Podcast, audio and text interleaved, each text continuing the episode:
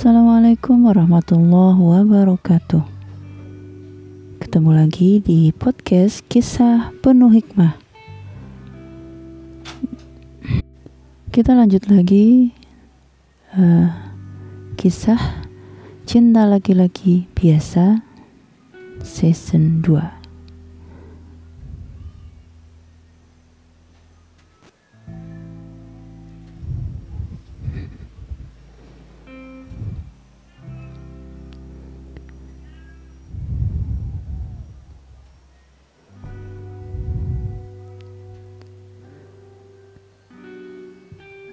Seperti sudah kita bahas sebelumnya, setelah satu tahun menikah, tetap saja suara-suara itu mempertanyakan bahwa mereka berbisik-bisik di belakang Nania. Apa sih sebenarnya yang Nania lihat pada Rafli? Jeleknya, Nania masih belum mampu menjelaskan kelebihan-kelebihan Rafli agar nampak di mata mereka yang membicarakan itu. Nania hanya merasakan cinta yang begitu besar. Bahkan dengan kakak-kakaknya selalu terjadi perdebatan tentang tentang kenapa Nania memilih laki-laki itu. Tidak ada lelaki yang bisa mencintai sebesar cinta Rafli pada Nania. Itu yang dirasakan Nania. Ketika ketiga saudara Nania terlihat tak percaya. Nania, siapa pun akan mudah mencintai gadis secantik kamu. Nania merasa lidahnya keluh, hatinya memprotes. Mereka tidak boleh meremehkan Rafli dan mereka akan terus berargumentasi dan selalu saja mereka meremehkan Rafli. Seolah tak ada apa pun yang bisa meyakinkan bahwa adik mereka sangat beruntung mendapatkan suami seperti Rafli. Lagi-lagi percuma. Lihat hidup Nunania, lalu lihat Rafli. Kamu sukses, mapan, kamu bahkan tak perlu lelaki untuk menghidupimu tega mereka, kata Nania. Padahal adik mereka sudah menikah dan sebentar lagi punya anak. Bahkan ketika lima tahun pernikahan berlalu, ocehan itu tak juga berhenti. Padahal Nania dan Rafli sudah punya dua orang anak, satu lelaki dan satu perempuan. Kedua-keduanya sangat menggemaskan. Rafli bekerja lebih rajin setelah mereka memiliki anak. Padahal itu tidak perlu sebab gaji Nania lebih dari cukup untuk hidup senang. Tak apa, kata lelaki itu. Ketika Nania memintanya untuk tidak terlalu memforsir diri. Gaji Nania cukup. Maksud Nania jika digabung dengan gajinya abang. Nania tidak bermaksud menyinggung hati lelaki itu. Tapi dia tak perlu khawatir sebab suaminya yang berjiwa besar selalu bisa menangkap maksud baiknya. Sebaiknya Nania tabung aja untuk jaga-jaga ya. Lalu dia mengelus pipi Nania dan mendaratkan kecupan lembut. Seperti kejutan listrik yang menyentakkan otak dan membuat pikiran Nania menjadi cerah. Inilah hidup yang diimpikan banyak orang. Bahagia. Pertanyaan kenapa dia menikahi laki-laki biasa dari keluarga biasa dengan pendidikan ya biasa, berpenampilan yang sangat biasa, dengan pekerjaan dan gaji yang sangat biasa, tak lagi mengusik perasaan Nania. Sebab ketika bahagia, alasan-alasan menjadi tak penting. Menginjak tahun ketujuh pernikahan, posisi Nania di kantor semakin gemilang. Begitu bahagianya Nania dengan kekayaan berlimpah, memiliki suami terbaik di dunia, hidup perempuan ini berada di puncak. Bisik-bisik masih terdengar setiap Nania dan Rapli melintas dan bergandengan mesra. Mereka berkata, sungguh beruntung suaminya, istrinya cantik dan kaya, tak imbang. Dulu bisik-bisik itu membuatnya frustasi, sekarang pun masih, tapi Nania belajar bersikap tak peduli. Toh dia hidup dengan perasaan bahagia yang kian membukit dari hari ke hari. Tahun ke-10 pernikahan, hidup Nania masih belum bergeser dari puncak. Anak-anak semakin besar, kemudian Nania mengandung yang ketiga. Selama kurun waktu itu tak sekalipun Rafli melukai hati Nania dan membuatnya menangis. Bayi yang dikandung Nania tidak juga mau keluar ketika waktu itu sudah lewat dua minggu dari HPL. Plasenta kamu sudah berbintik-bintik, sudah tua Nania, harus segera dikeluarkan. Kata dokter kandungan langganan Nania. Dan kemudian disuntikanlah obat ke dalam rahim Nania dan itu akan menimbulkan kontraksi hebat hingga perempuan itu merasakan sakit yang terangat, teramat sangat. Jika semuanya normal, hanya dalam hitungan jam mereka akan segera melihat si kecil. Rafli tidak beranjak dari tempat tidur Nania di rumah sakit. Hanya waktu-waktu sholat lelaki itu meninggalkannya sebentar ke kamar mandi dan menunaikan sholat di sisi tempat tidur. Sementara kakak-kakak serta orang tua Nania belum satu pun yang datang. Anehnya meski obat kedua sudah dimasukkan, delapan jam setelah obat pertama Nania tak juga menunjukkan tanda-tanda melahirkan. Rasa sakit betul-betul dirasakan Nania. Pembukaan berjalan lambat sekali.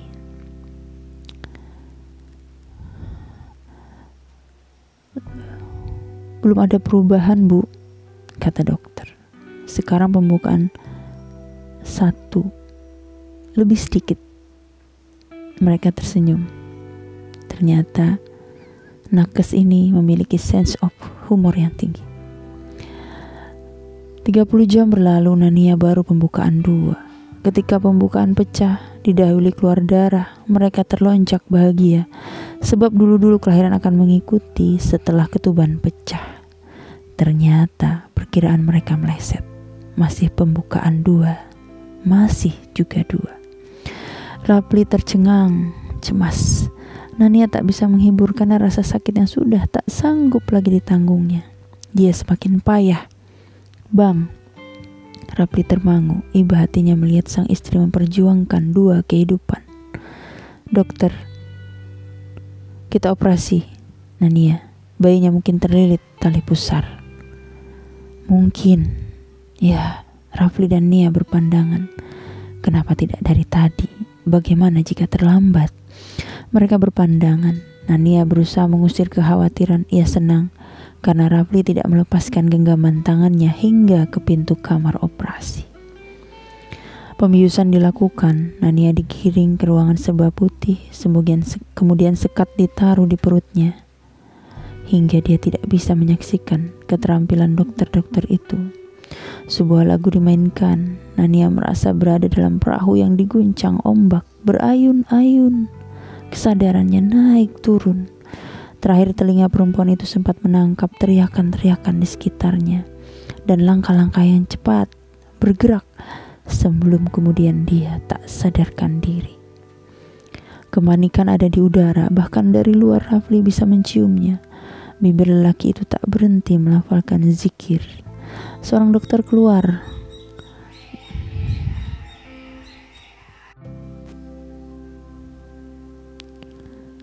Beneran hebat, katanya. Rapli membayangkan sebuah sumber air yang meluap berwarna merah ada varises di mulut rahim yang tidak terdeteksi dan entah bagaimana dia jadi pecah. Bayi mereka selamat tapi Nania kritis. Mama Nania yang baru datang menangis. Papa termangu lama sekali. Saudara-saudara Nania menyimpan isak sambil menenangkan orang tua mereka. Rapli seperti berada dalam atmosfer yang berbeda. Dia tercenung. Ada rasa cemas, tak bisa dihentikan, menyebar meluas cepat seperti kanker. Setelah itu adalah hari-hari penuh doa bagi Nania. Sudah seminggu lebih Nania koma. Selama itu, Rafli bolak-balik dari kediamannya ke rumah sakit. Ia harus membagi perhatian bagi Nania dan anak-anak, terutama si kecil. Bayi itu sungguh menakjubkan, bisiknya sangat kuat, juga ada hisapnya. Tidak sampai empat hari mereka sudah boleh membawanya pulang. Mama, papa, dan ketiga saudara Nania,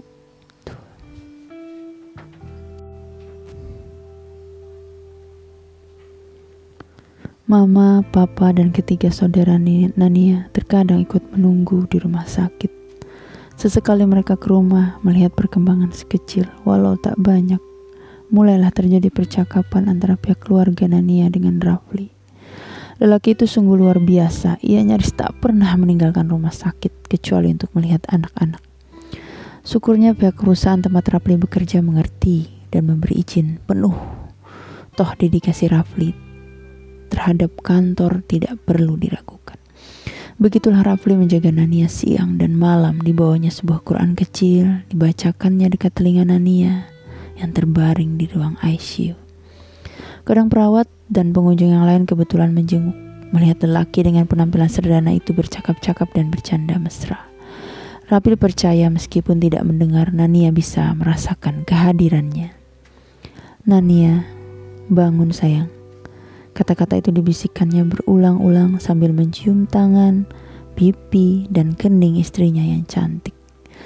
Ketika 10 hari berlalu dan pihak keluarga mulai pesimis dan pasrah, Rafli masih berjuang. Dia datang ke rumah sakit mengaji dekat Nania, menggenggam tangan istrinya mesra. Kadang dia membawakan buku kesayangan Nania, membacanya dengan suara pelan memberikan tambahan di bagian ini dan itu sambil tak bosan berbisik. Nania bangun sayang.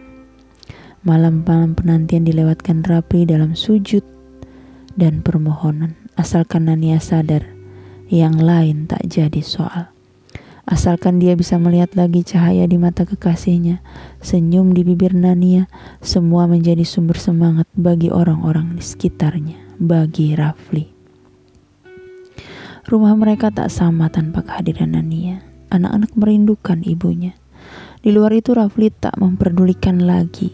Wajahnya yang lama tak bercukur, badannya yang semakin kurus akibat sering lupa makan. Ia cuma ingin melihat Nania lagi. Semua antusias perempuan itu di mata gerak bibir, kerinyitan kening, serta gerakan kecil di wajahnya yang cantik. Nania sudah tidur terlalu lama. Pada hari ke-37 doa Rafli ter terjawab. Nania sadar dan wajah penat Rafli adalah yang pertama ditangkap matanya. Seakan telah begitu lama Rafli menangis menggenggam tangan Nania dan mendekapnya ke dada. Mengucap syukur berulang-ulang dengan air mata yang meleleh. Ya asalkan Nania sadar semua sudah tak penting lagi. Rafli membuktikan kata-kata yang diucapkannya beratus kali dalam doa. Lelaki biasa itu tak pernah lelah merawat Nania selama sebelas tahun terakhir. Memandikan, menyuapi Nania, mengantar anak-anak sekolah satu persatu. Setiap sore setelah pulang kantor lelaki itu cepat-cepat menuju rumah, menggendong Nania ke teras, melihat senja datang, sambil memangku Nania seperti remaja belasan tahun yang sedang jatuh cinta.